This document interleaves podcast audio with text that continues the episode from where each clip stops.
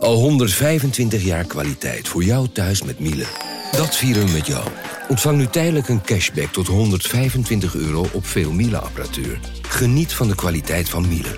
Voor perfect verzorgd wasgoed en kleding die veel langer mooi blijft. Voor een stralend schone vaat, even perfect als jouw diners. En een stofvrij thuis waarin echt hygiënisch schoon de standaard is. Check miele.nl voor alle feestelijke aanbiedingen. Ik ben al jaren ondernemer, maar waar moet ik eigenlijk allemaal aan denken nu ik voor het eerst personeel wil aannemen, voor het eerst ga importeren of voor het eerst een bedrijfslocatie zoek? Weet wat je wel of niet moet doen bij zaken die je voor het eerst oppakt. Check kvk.nl voor praktische stappenplannen. KVK, hou vast voor ondernemers. Vanaf de redactie van NRC het verhaal van vandaag. Mijn naam is Thomas Ruip.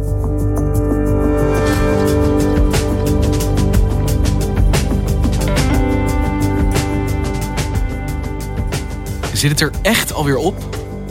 Na amper twee weken lijkt de afzettingsprocedure tegen president Trump met een sisser afgelopen.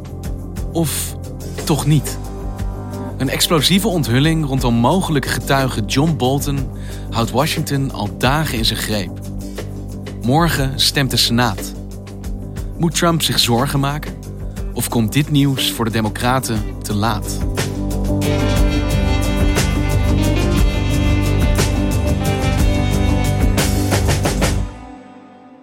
Hey Bas, fijn dat je tijd voor ons hebt. Nee, want ik moet eigenlijk eerlijk bekennen dat ik niet goed weet waar ik moet beginnen. Ik ben eigenlijk gewoon in de war. Ik kan me de Clinton impeachment nog herinneren. Ik zat op de basisschool, maar dat was een van de ja, meest historische momenten in de Amerikaanse politiek. Dat hield de hele wereld in zijn greep. En dit is aan de gang en ik hoor er hier bijna niets over. Ja, dat is hier echt anders. Je hoort hier de hele dag over.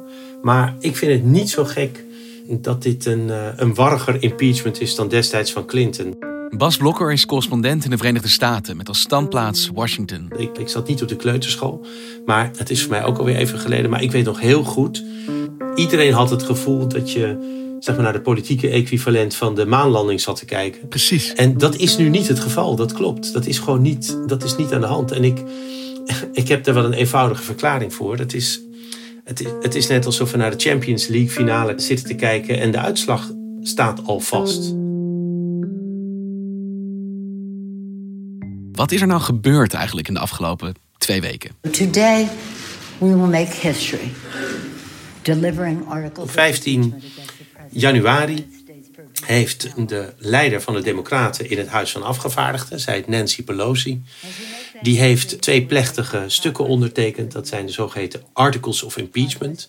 Als je het in rechtbanktermen bespreekt, dan zijn dat de aanklachten. And I'm now going to proceed to sign the articles. Die heeft ze daar ondertekend met wel zeven of acht pennen, die ze later ook weggaf als souvenirs. En vervolgens naar de Senaat gestuurd. En het sturen van die artikelen is dan het startschot van dit proces, dat het echt begint. Ja, in het ene wordt Trump verweten dat hij zijn positie als president heeft misbruikt. En het andere article of impeachment, dat gaat over de, de wijze waarop Trump heeft geprobeerd het onderzoek naar dat machtsmisbruik door het congres te belemmeren. Bijvoorbeeld door te weigeren om zijn medewerkers te laten getuigen. En in de Senaat wordt het proces gevoerd en uiteindelijk gestemd over de vraag: moet de president ook worden afgezet?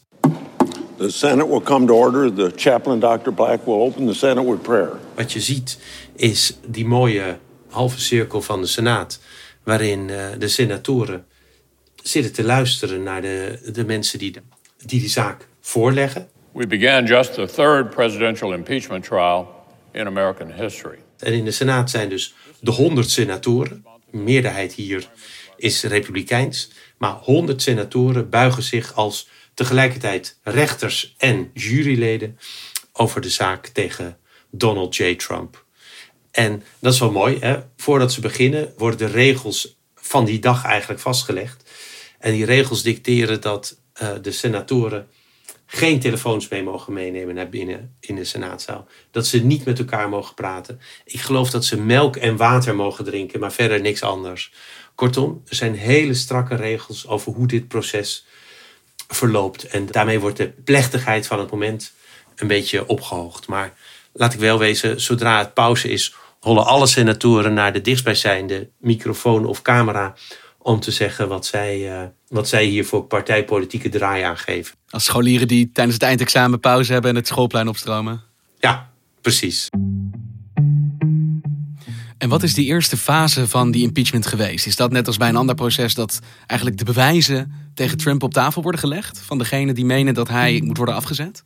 Ja, de afgelopen twee weken hebben we gezien dat eerst de, de aanklagers, dat zijn dus de Democraten, die hebben verteld wat zij in hun onderzoek hebben gevonden dat voor hen aanleiding geeft om te denken dat Trump zijn positie als president heeft misbruikt voor zijn eigen nut. En de zaak is eigenlijk allemaal aan het rollen gekomen door een telefoongesprek dat president Trump op 25 juli van vorig jaar, 2019, had met de toen net nieuwe Oekraïense president Zelensky.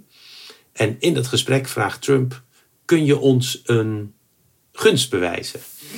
Ik wil dat jij mij helpt bij onderzoek naar mijn politieke tegenstanders, de Democratische Partij en een van de Democratische presidentskandidaten, Joe Biden. En later kwam er nog iets bovenop.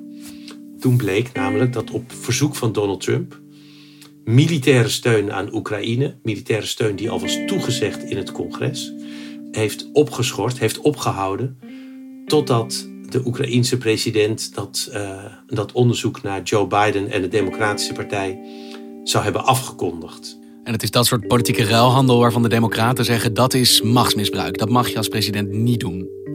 Ja, je krijgt het geld als je mij helpt. Adam Schiff, de voorzitter van een van de uh, commissies van het Huis van Afgevaardigden en steeds de leider van het, van het hele onderzoek naar het impeachment. Die vatte eigenlijk het eerste artikel of impeachment heel kernachtig samen als het over machtsmisbruik gaat. Hij zei: This is Trump first. Not American first, not American ideals first. En dit verwijt horen we natuurlijk al een aantal maanden. Ik bedoel, wij hebben elkaar er ook eerder over gesproken. Nou en of. Maar nu is dat proces aan de gang. En op welke manier hebben de Democraten geprobeerd dit te bewijzen? Want ik neem aan dat dat nu de kern is van zo'n impeachment. Absoluut. De, de Democraten hebben geprobeerd hard bewijs te verzamelen. En de korte variant is dat dat de Democraten eigenlijk niet zo heel goed is gelukt. Ze hebben allerlei getuigen gehoord die zich zorgen hebben gemaakt over de gang van zaken rond dat telefoontje van Trump en Zelensky, die zich zorgen hebben gemaakt over het opschorten van militaire steun aan Oekraïne, maar die niet precies uit eerste hand weten wat de motivatie daarvoor was. Ze hebben wel hun vermoedens, maar ze weten het niet zeker. Er is niet een briefje gevonden of een e-mailtje van Trump waarop staat: Ik wil dat Oekraïne mij helpt, anders krijgen ze geen steun van de Verenigde Staten meer. Dus als ik jou begrijp, is het grote probleem waar die Democraten mee worstelen dat ze alleen ja, indirect bewijs hebben. Ze hebben niemand die er zelf getuige van was, die het zelf gehoord heeft. Het is alleen van horen zeggen. En de Republikeinen zeggen daarvan: ja, indirect bewijs is in dit geval gewoon geen bewijs. Ja, het verhaal is rond. Absoluut. Maar de harde bewijzen onder dat verhaal, die, uh, ja, er zijn harde aanwijzingen, maar geen harde bewijzen. En hoe wordt het gezien? Was het een succesvol betoog wat de Democraten hielden in hun deel van de impeachment? Nou, dat is natuurlijk moeilijk vast te stellen. Even denken hoe ik daar het best op kan antwoorden. Kijk, het grootste succes zou zijn als de Democraten met hun aanklacht tegen Trump Republikeinse senatoren hadden overtuigd en dat er dus eigenlijk geen andere keuze is dan hem af te zetten. Dat is het ultieme succes zou dat zijn. Nou, uit de reacties van Republikeinse senatoren tot dusver meen ik te kunnen opmaken dat ze dat succes niet hebben geboekt. Our Democratic House managers are simply telling the same story over and over again with actual no basis in fact. That is the big challenge that we're facing right now is how often we're hearing the same stories. As if you could impeach uh, by just kind of repeating the same thing. Dan is er nog een tweede succes, want het impeachmentproces is ook heel nadrukkelijk een publiek proces. Het publiek van zowel de aanklagers als de verdedigers van de president is ook het Amerikaanse volk. En ook daar moet ik zeggen, zijn de Democraten eigenlijk niet heel succesvol geweest. In peilingen die ik heb gezien, hebben ze een overweldigende meerderheid van de democratische kiezers achter zich. Ik geloof dat 83% van de democratische kiezers vindt dat impeachment terecht is en dat Trump zou moeten worden afgezet. 88% van de Republikeinen vindt van niet. Maar het belangrijkste is dat maar 42% van de independents, de mensen die dus niet al bij voorbaat gebonden zijn aan één partij, dat maar 42% van de independents vindt dat Trump moet worden afgezet. En dat is natuurlijk een substantieel aantal, maar het is geen meerderheid.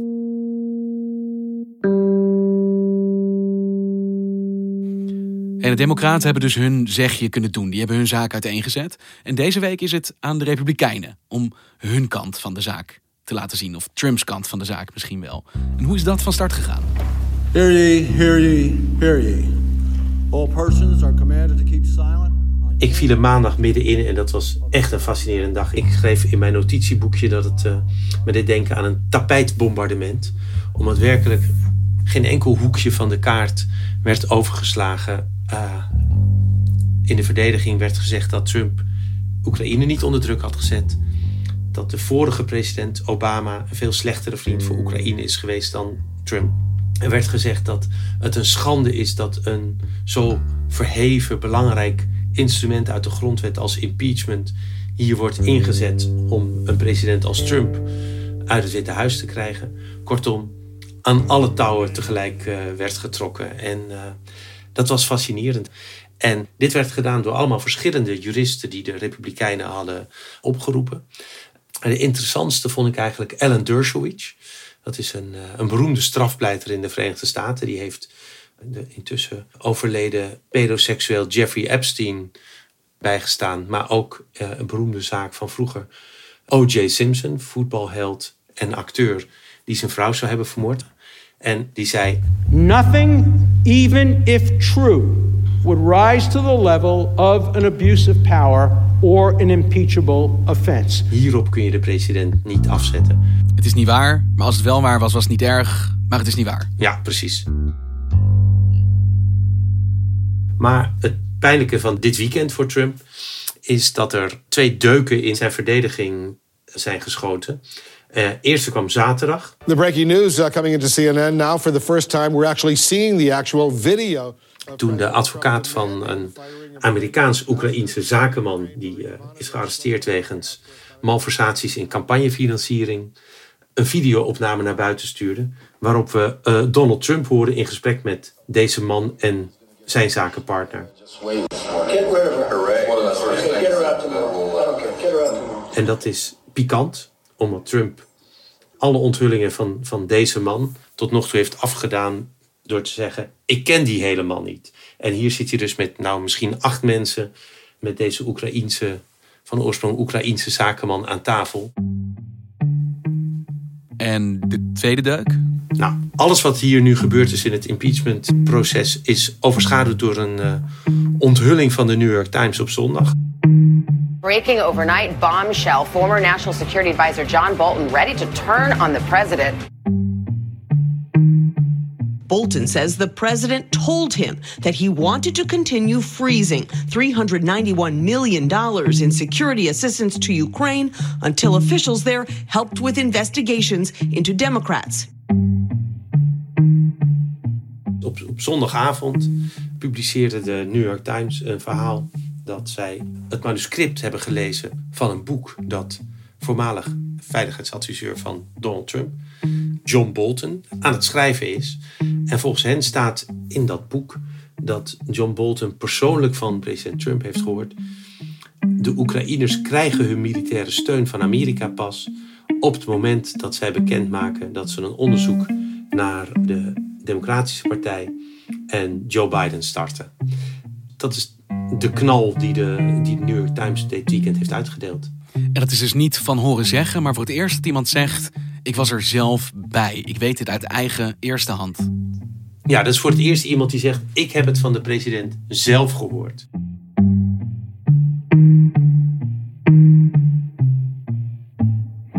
Want dit soort onthullingen, Bas, weer betrapt op een leugen. Maar ook John Bolton die zich aandient eigenlijk met nieuwe informatie. En een week lang van pleidooien van de democratische kant. Heeft dat invloed op die republikeinen? Is het niet steeds moeilijker? Moeten zij ze niet in steeds grotere bochten wringen om achter Trump te blijven staan? Ja, zeker. Eh, maar ze zijn, ze zijn heel lenig. Dus een grote bocht hebben ze wel geleerd te maken. Maar kijk, je moet niet vergeten dat impeachment is ook enorm groot. Weet je, een impeachment is, om het in voetbaltermen uit te drukken, een rode kaart. En dan denk ik dat de beste republikeinse senatoren en republikeinse afgevaardigden te vinden zouden zijn die Trump een gele kaart zouden willen geven voor zijn gedrag ten aanzien van Oekraïne. Maar ze willen hem niet wegsturen. Dan zijn ze hun president kwijt. En meer dan dat, dan zijn ze de kandidaat kwijt. De hele succesvolle kandidaat die het over negen maanden moet opnemen tegen een democratische presidentskandidaat. De, de inzet is gewoon te hoog voor republikeinen om te wankelen. En dat doen ze dus ook echt niet. Niemand heeft zich laten overtuigen door alles wat de afgelopen twee weken besproken is. Wat er is getoond, wat er is onthuld. Ik denk dat ze zich wel hebben laten overtuigen van de waarachtigheid van sommige, uh, van sommige getuigenissen, van sommige bewijzen. Maar dat ze de optelsom niet maken die de Democraten misschien iets te snel hebben gemaakt. En dat is een van de veelgebruikte argumenten. jullie konden Trump niet verslaan in het, uh, in het stembureau. En nu willen jullie hem dus op deze manier verslaan. Jullie zijn bang voor Trump in dat hij wint op 3 november 2020. En daarom willen jullie hem van, de, uh, van het stembiljet afvoeren. De, de, de Republikeinen zien heel nadrukkelijk de politieke dimensie van deze kwestie. En daarom staan ze ook niet te springen om waarheidsvinding.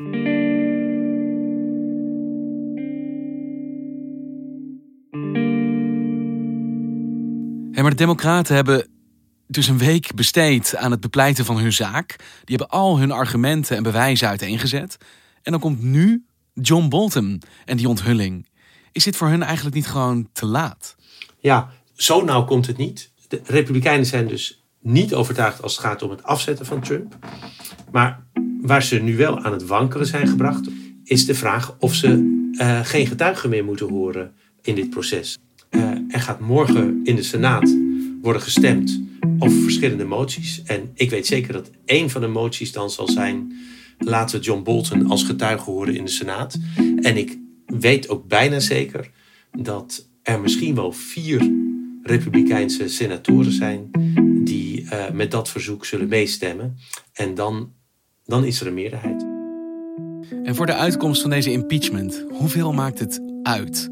Als John Bolton wordt opgeroepen en hij vertelt wat we nu al weten, wat, wat de New York Times ook al zegt.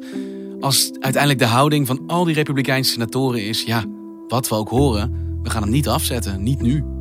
Ja, eigenlijk shockte iedereen zo'n beetje naar het eind van deze week, waarop het proces misschien wel meteen zou worden afgerond, misschien nog met een uitloop naar het begin van volgende week. Maar als er daadwerkelijk een nieuwe getuige gaat worden gehoord, dan, dan loopt het proces zeker volgende week door. En dat is een fascinerend moment.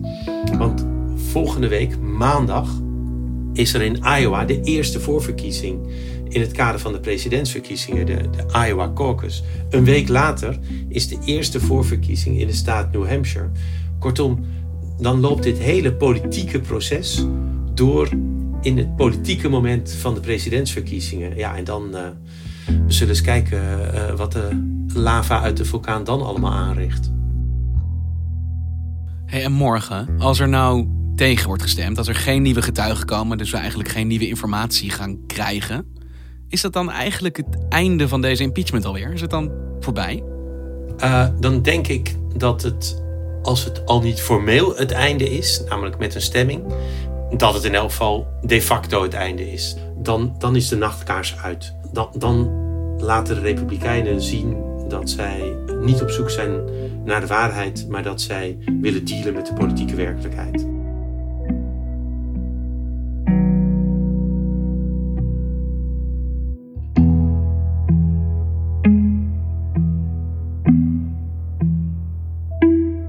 Dankjewel Bas. Succes daar.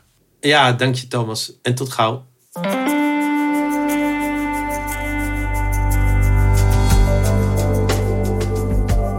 Je luisterde naar vandaag, een podcast van NRC. Eén verhaal, elke dag. Dit was vandaag, morgen weer.